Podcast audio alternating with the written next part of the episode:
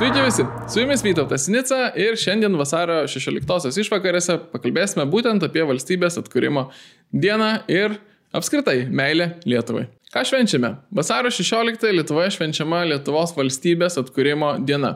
Ir dažnas klausimas tiems, kas susimasto, kodėl atkūrimo?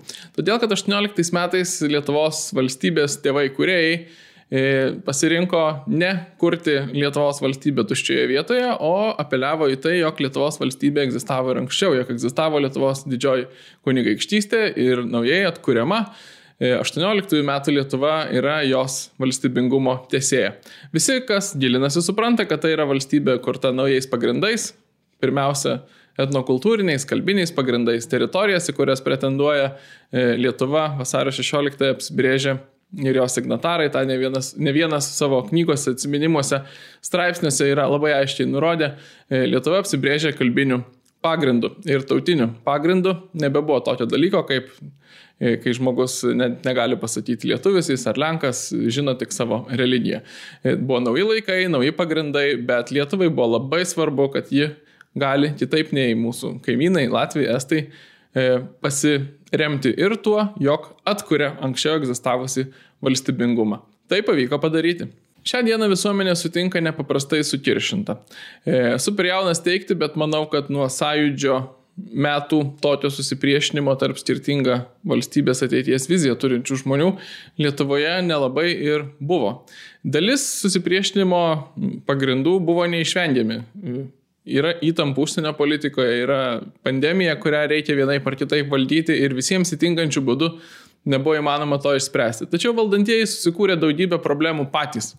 E, klausimai, dėl kurių 21 metais prasidėjo ir iki šiol tęsiasi protestai, E, tokie kaip partnerystė, e, tos pačios lyties partnerystė, Stambulo konvencija, neapykantos kalba, tiek protestų nesulaukus apskritai visuomenėje, tačiau tarp konkrečių organizacijų, laisvės kovotojų organizacijų, kariuomenės kuriejų organizacijų tikrai didelio dėmesio sulaukianti valstybinės kalbos tema, kur buvo pervažiuota buldozeriu per oponuojančią poziciją. Daugybė šių temų įvairios kitos susilaukė dėmesio todėl, kad vyriausybė pati jas iškėlė, išeskalavo, jų galėjo nekelti ir neerzinti visuomenės, tačiau buvo padaryta priešingai. Dažnai pasigirsta, kad na čia mes nieko negalėjom padaryti, Laisvės partija yra koalicijoje, jie maži, bet jie turi savo programą ir jie vadovaujasi, tačiau na, nereikėtų ieškoti kvailių.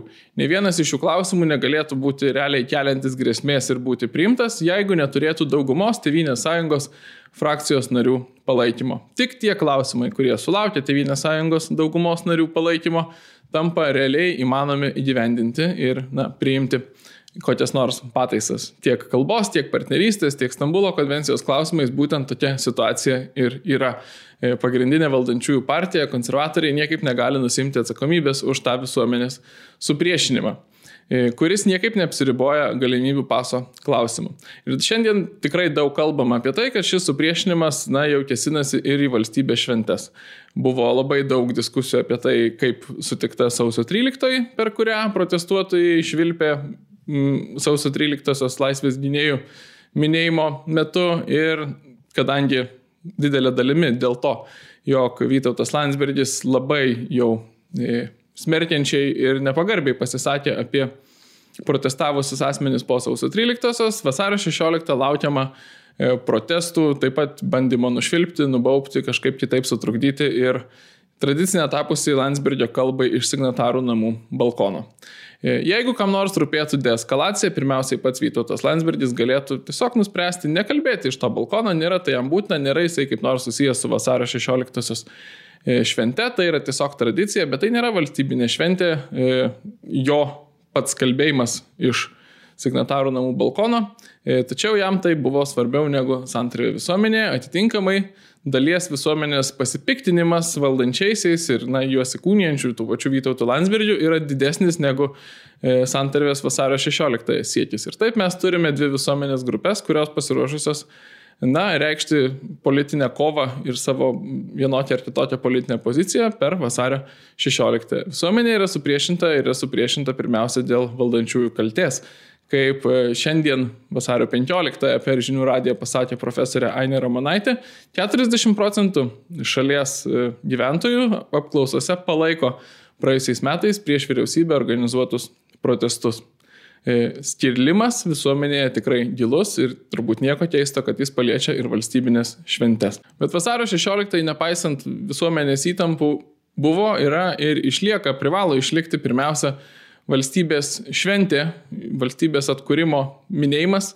Ir būtent minėti ją kaip šventę ir pagerbti didvyrius tiek priemusius nepriklausomybę paskelbusią deklaraciją, tiek ir po to gynusius nepriklausomybę savanorius, e, kviečia jaunimo sambūris Propatrija e, vasario 16 dieną, 18 val. E, pradedantis liepsnų maršą žydį su deglais vasario 16 paminėti nuo Jono Basanavičiaus paminklo priešais Nacionalinę filharmoniją Vilniuje. Ketvirtus metus Propatrija Samburis organizuoja šį renginį Ir nepaisant to, kokios yra aplinkybės ir politinės įtampos visuomenėje, manome, kad yra prasminga toliau jį organizuoti.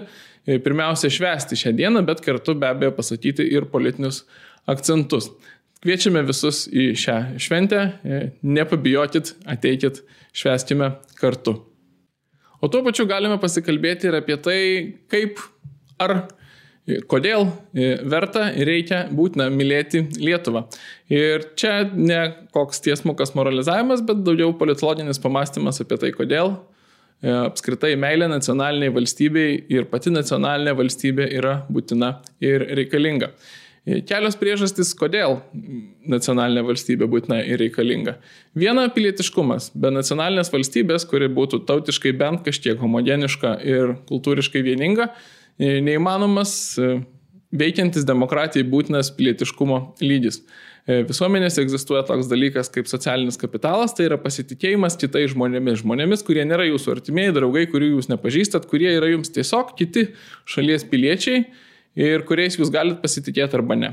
Šito pasitikėjimo tyrimai tą labai aiškiai rodo, kuo tautiškai homogeniškesnė, tai yra vienodesnė yra visuomenė, tuo jo daugiau. Multikultūrinės visuomenės, kurios e, užsileidžia tautinę, civilizacinę, religinę, visokiausią, dažniausiai migrantais pagristą įvairovę, pradeda prarasti šitą socialinį pasitikėjimą, socialinį kapitalą, o jis yra būtinas tam, kad žmonės galėtų būti pilietiškai aktyvus, burtis į organizacijas, daryti kažką ne vien savo asmeninio gyvenimo reikalams, bet ir viešiesiems reikalams.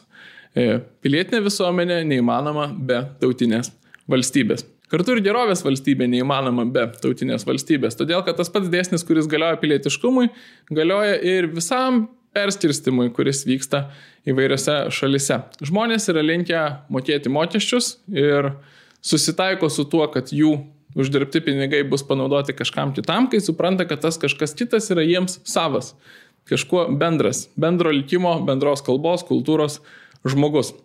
E, gerovės valstybė, klėstėjusi šiaurės šalise didžiąją 20-ojo amžiaus e, antrosios pusės dalį, e, patyrė didžiulių iššūkių vėlgi dėl to, kad tiesiog nustojo, šios šalis nustojo būti homogeniškos tautinės valstybės. Kai žmogus mokantis didžiulius mokesčius pradeda nebesuprasti, tai savas ar nesavas, tas kitas jo bendrapilietis, su kuriuo jis turi dalintis, tas noras mokėti ir dalintis nyksta. Svarbu to nesupainioti su korupcijos problema, kuri irgi daug kur egzistuoja. Žmonės analogiškai mažiau linkia mokėti mokesčius ir dalintis, jeigu mano, kad arba politikai e, tuos mokesčius išvoks, arba kiti piliečiai e, zuikiauja ir tų mokesčių nemoka. Niekas nenori likti kvailio vietą. Bet korupcijos problema yra viena, o e, pasitikėjimo bendrapiliečiais piliečiais kaip savais, bendrais, bendro likimo žmonėmis kita. Ir čia vėl tenka kartotis, gerovės valstybė neįmanoma be tautinės valstybės. Galiausiai trečia, demokratija yra neįmanoma be tautinės valstybės. Ta rodo istorija, tiesiog pažvelgia laiko skalę, nesunkiai matome, kad modernioji masinė demokratija įtraukianti visus piliečius atsirado kartu su modernėja tautinė valstybė. Ir taip nutiko visiškai neatsitiktinai, tai yra logiška. Demokratija veikia atstovavimo ir balsavimo principais, tačiau visi suprantame, kad kai kažkas demokratijoje pralaimi balsavimus, jis nenusprendžia, kad aš buvau neteisus. Tai, kad jis pralaimėjo balsavimą, neįtikina jo, jog kita laimėjusi pusė buvo teisi. Žmogus tiesiog susitaiko ar tai būtų politikai, kurie iš tiesų balsuoja, ar tai būtų rinkėjai, už kuriuos kažkas balsavo. Pralaimėjusiai tiesiog susitaiko su tuo faktu, kad, na, turėsime kitą sprendimą, gyvensime ne pagal tą taisyklę, kurią aš laikiau esant teisinga, gyvensime pagal kitokią. Tačiau ta diskusija, jeigu ji vyksta homogeniškoje tautinėje valstybėje, ji vyksta tam tikrų kultūrinių normų ribose. e, tos pačios civilizacijos normų ribose. Ir tie pasirinkimai, tos alternatyvos būna, na, nurijamos, priimtinos, įmanoma su jomis gyventi. Klausimai, kad ir pralaimėti balsavimai, jie būna sugyvenami ir galima e, priimti bendras taisyklės, žinoti, kad, na, kitą balsavimą laimės tavo stovykla, kitus rinkimus laimės tavo stovykla, tačiau šalis neina visiškai neteisinga kryptimi arba nesirėmė visiškai neprimtinomis, necivilizuotomis elgesio normomis.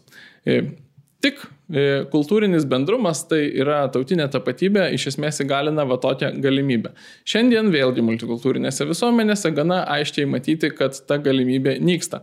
Ten, kur šalia gyvena, tarkime, vokiečiai su savo liberaliomis normomis ir turkai su savo normomis, kurios leidžia e, vyrams spręsti už moteris, ar jos gali eiti iš namų, ar jos gali dirbti, ar jos gali studijuoti, ar jos gali pasirinkti, už ko tekėti ar netekėti ir panašiai kultūrinis atstumas tarp šių žmonių, tarp vokiečio ir turko, e, ne bet kurio konkretaus, nes įvairių yra žmonių, bet tarp stereotipinio, vidutinio vokiečio ir turko yra milžiniškas. Jie negali susitarti dėl bendrų normų.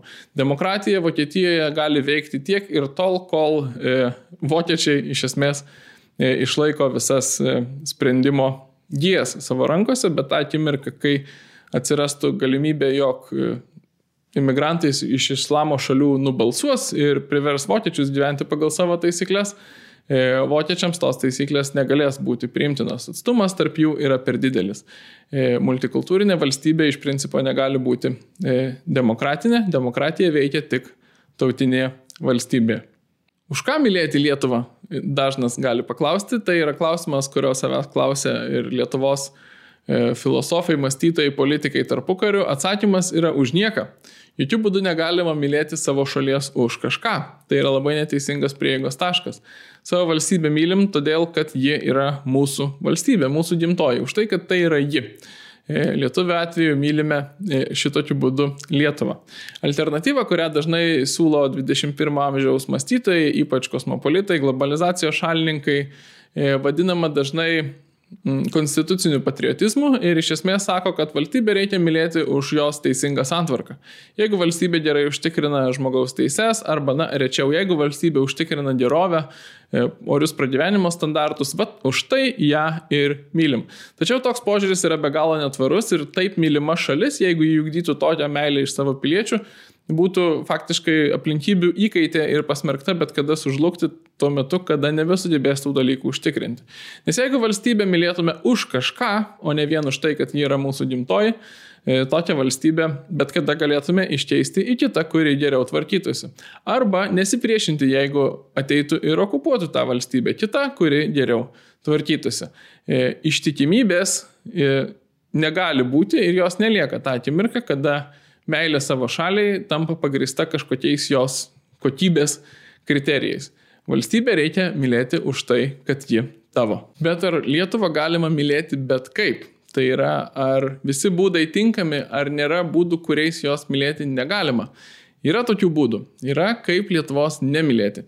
E, dažna diskusija, vėlgi iškylanti gal daugiau intelektualiniuose ratuose, yra apie tai, ar žmonės su visiškai skirtingomis valstybės ateities vizijomis, skirtingų supratimų, kas jai gera ir teisinga, e, na, yra vienodi valstybės akise, vienodai vertintini pilietiniu ir moraliniu požiūriu nes juk visi skirtingai mylime Lietuvą. Tai beje dažnas lozungas apskritai šiandieninėse e, viešose diskusijose. E, nėra taip, yra būdai mylėti Lietuvą be abejo skirtingi ir nėra vieno kelio, vienos vizijos, kuri vienintelė primtina, tačiau yra dalykų, kurie atsiduria už raudonų linijų tiesiog todėl, kad palaikydami tam tikrus dalykus ar eidami tam tikros vizijos nubriežtais keliais mes tiesiog sužlugdysim savo valstybę. E, paprasti pavyzdžiai iš istorijos, ko gero būtų komunistai tapę kolaborantais, komunarais, taip toliau. 40 metais e, tikėję, kad Lietuvai gerai yra vietoj smetonos autoritetinio režimo verčiau jau turėti bolševikų diktatūrą, e, užtikrinančią socialinį teisingumą, išlaisvinančią moteris ir apskritai įvairiausius pilietinės teises kas buvo be abejo užsienyje skleidžiama sovietų propaganda ir buvo žmonių, kurie jie tikėjo. Tokie žmonės, kurie tikėjo sovietų propagandą, nevertinsime jų intelektualinių galimybių, nevertinsime jų kalties, bet tarkime, net jeigu tai suklaidinti žmonės, e, jie net ir manydami, kad nekolaboruoja, o padeda Lietuvai eiti į šviesų rytojų, iš tikrųjų ją griovė ir žlugdė. E, negalim apsimesti, kad nėra objektivaus mato, tai yra valstybės išlikimo ir kad negalime juo remtis. Mes privalom juo remti. Lygiai taip pat ir šiandien įvairios idėjos, kurios iš esmės veda prie valstybės išnykimo, negali būti tik dar vienais eiliniais būdais kitaip mylėti Lietuvą. E, idėjos, kurios iš esmės sako, kad pavyzdžiui nėra prasminga turėti vaikų, geriau jų apskritai neturėti, dėl to, kad išsaugotume žalę Žemės planetą, e, dėl to, kad jie per daug apsuntina gyvenimą, dėl to, kad su karjera neįmanoma suderinti vaikų, na nesvarbu dėl kokių priežasčių. Tarkime, e, žmogus aktyviai agituoja, e, kad vaikų geriau apskritai neturėti. Ir myli Lietuvą. Tai nėra dar vienas būdas mylėti Lietuvą, nes tapusi sisteminga tokia pažiūra, tokia valstybės politika iš esmės neišvengiamai atvežtų prie tos valstybės išnykimo. Arba prie kito būdo sunaikinti valstybę, tai yra prie jos virsmo multikultūrinė. Ir čia tas kitas dalykas, žmogus, kuris e, aiškina, jog Lietuvai būtų labai gerai visiškai atverti sienas, įsileisti tiek, kiek tik norinčių būtų atvykti kitų kultūrų, religijų, civilizacijų, rasių, žemynų atstovų e, ir kad tai Lietuvai būtų labai gerai, tai nėra tik dar vienas būdas mylėti Lietuvą ir dar viena lygiaverti vizija. Tai yra vizija šiaip jau nebejotinai reiškinti ilgalaikį perspektyvą Lietuvos valstybės išnykimą. Dėl jau išvardintų priežasčių. Nes negali valstybė išlikti stabili, pilietinė santarė užtikrinta, demokratija veikianti, e, perskirstimas e, pačių piliečių pakenčiamas ir toleruojamas, o visuomenė pilietiška, jeigu joje nėra jokio kultūrinio bendrumo, jeigu joje yra visiška kultūrinė įvairovė ir nesutarimas. E, tokią valstybės viziją puoselėti, net jeigu tai daroma nuoširdžiausiais įsitikinimais, geriausiais norais ir manant, kad taip tu myli Lietuvą, tai nėra tik dar vienas būdas mylėti Lietuvą, tai yra didelė klaida ir valstybė turėtų bent jau ugdymo priemonėmis su tokiais požiūriais kovoti. Bet jeigu valstybę reikia mylėti už tai, kad ji tavo, o ne už jos kokybę, ar ta meilė turi būti nekritiška? Šitą klausimą taip pat kėlė dar tarpukario e, Lietuva. E, keltinas jis ir šiandien. Ir atsakymas be abejo ne. Meilė savo valstybei turi būti kritiška. E, ji turi būti bet kuriuo atveju, kad ir kokia yra ta valstybė, bet ji turi būti reikli, ji turi reikalauti iš tos valstybės kuo geresnės santvarkos ir tos santvarkos faktinio realizavimo, rūpinimuose savo piliečiais, pastangų, kad jie liktų gyventų Lietuvoje, kad jų skaičius didėtų, kad jų pragyvenimo kokybė didėtų, kad jie suprastų savo E, tapatumą, buvimą vienos tautos ir vienos valstybės nariais ir piliečiais, e, kad jie norėtų čia likti, kad jie norėtų tą valstybę ginti ir daugybė kitų dalykų. Meilė savo šaliai turi būti reikli, jokių būdų ne nekritiška. Tarpu kariu apie tai daug diskutuota ir tada ta nekritiška meilė vadinta šovinizmu arba dėja tada klaidingai vadinta ir nacionalizmu. Na, o tuo tarpu kritiška meilė vadinta patriotizmu. Jeigu nacionalizmo savoka nuo tų laikų išsigrynino ir šiandien jau žinome, kad e, nacionalizmas nėra nekritiška meilė, nacionalizmas yra tiesiog noras, kad tauta turėtų savo valstybę ir joje pati save valdytų, tai dėl patriotizmo kaip kritiškos ir reiklios meilės savo šaliai tikrai galime sutikti ir būtent taip turėtume ją suprasti. Prasminga ir teisinga čia paralelė yra su e, meilė savo artimiesiems. Mylime juos ne dėl to, kokie jie šaunus, Mylime juos dėl to, kad jie mūsų artimieji, bet esame jiems reiklus, norim, kad jie būtų kuo geresni, gabesni, darbštesni, e, dorybingi ir visai kaip kitaip verti pagirimo. E, stenkime tą patį taikyti ir savo valstybei. 1918 m. vasario 16 e, signatarų valia atkurta Lietuvos valstybė buvo atkurta jau visiškai naujais moderniais pagrindais. Tai buvo moderni, tautinė valstybė, apsibrėžusi save etnokultūriniu, kalbiniu pagrindu, savo teritorijas brėžusi ten, kur gyvena lietuviškai kalbantis žmonės. E, tai buvo neatsitiktinis dalykas, moderniaisiais laikais iš tiesų stabili valstybė ir demokratinė santvarka gali egzistuoti iš esmės tik tai ten, kur egzistuoja tautinė valstybė ir jos garantuotas bei palaikomas, aktyviais veiksmais palaikomas kultūrinis bendrumas ir tapatumas. Suvokimas, kad esam bendro likimo žmonės, turime vieną istoriją, vieną kultūrą, daugmaž panašias normas, kurios gal ir skiriasi, bet skiriasi daug mažiau negu kad skiriasi su kitų civilizacijų ir kultūrų žmonėmis. E, Yra daugybė priežasčių, kodėl verta tokią valstybę išsaugoti, puoselėti, tobulinti, o gal dar nepaliestas momentas yra jai alternatyvų nebuvimas. Nuolatos ieškoma ir bandoma sukurti tą kokį nors valstybės ar apskritai politinės tvarkos modelį, kuris apseitų be tautos ir tautinės valstybės, bet kol kas tokio sukurti nepavyko. Šalis, kuriuose išnyksta viena dominuojanti tauta ir atsiranda visiškai įvairovė, jeigu jos nebūna kaip retais išimtiniais atvejais, tarkim Šveicarijoje, susiformavusios jau ant tokio pluralistinio pagrindo, jos praranda stabilumą, tampa nesaugios savo piliečiams, kyla pilietiniai karai ir panašus reiškiniai. E, šalis, kurios bando tiesiog peržengti tautinę valstybę, kurdamos virš nacionalinius darinius kaip ES, e, tiesiog nesugeba sukurti lojalumo, politinio lojalumo ištikimybės tam naujam dariniui. Be jo neįmanoma ir visa kita. Neturime pakaitalų Lietuvai. E, Lietuva, kaip mūsų tautinė valstybė, yra vienintelė vieta mums gyventi šioje žemėje ir būti iš tiesų laisvais žmonėmis, kurie patys gali save valdyti. Faktiškai mes nesame to galutinai išsikovoję ir turbūt niekada negalim būti iki galo išsikovoję. Ši kova yra nuolatinė, bet dėl jos verta stengtis. Šveskime vasario 16, ateikit 18 val. prie Basnavičiaus paminklo E, deglų bus. Tiek šį kartą. Ačiū, kad žiūrit, prenumeruojat, remiat, kas dar to nepadarėt, darykite tai pagal instrukcijas po šiuo video. Iki kitų kartų. Sudėjau.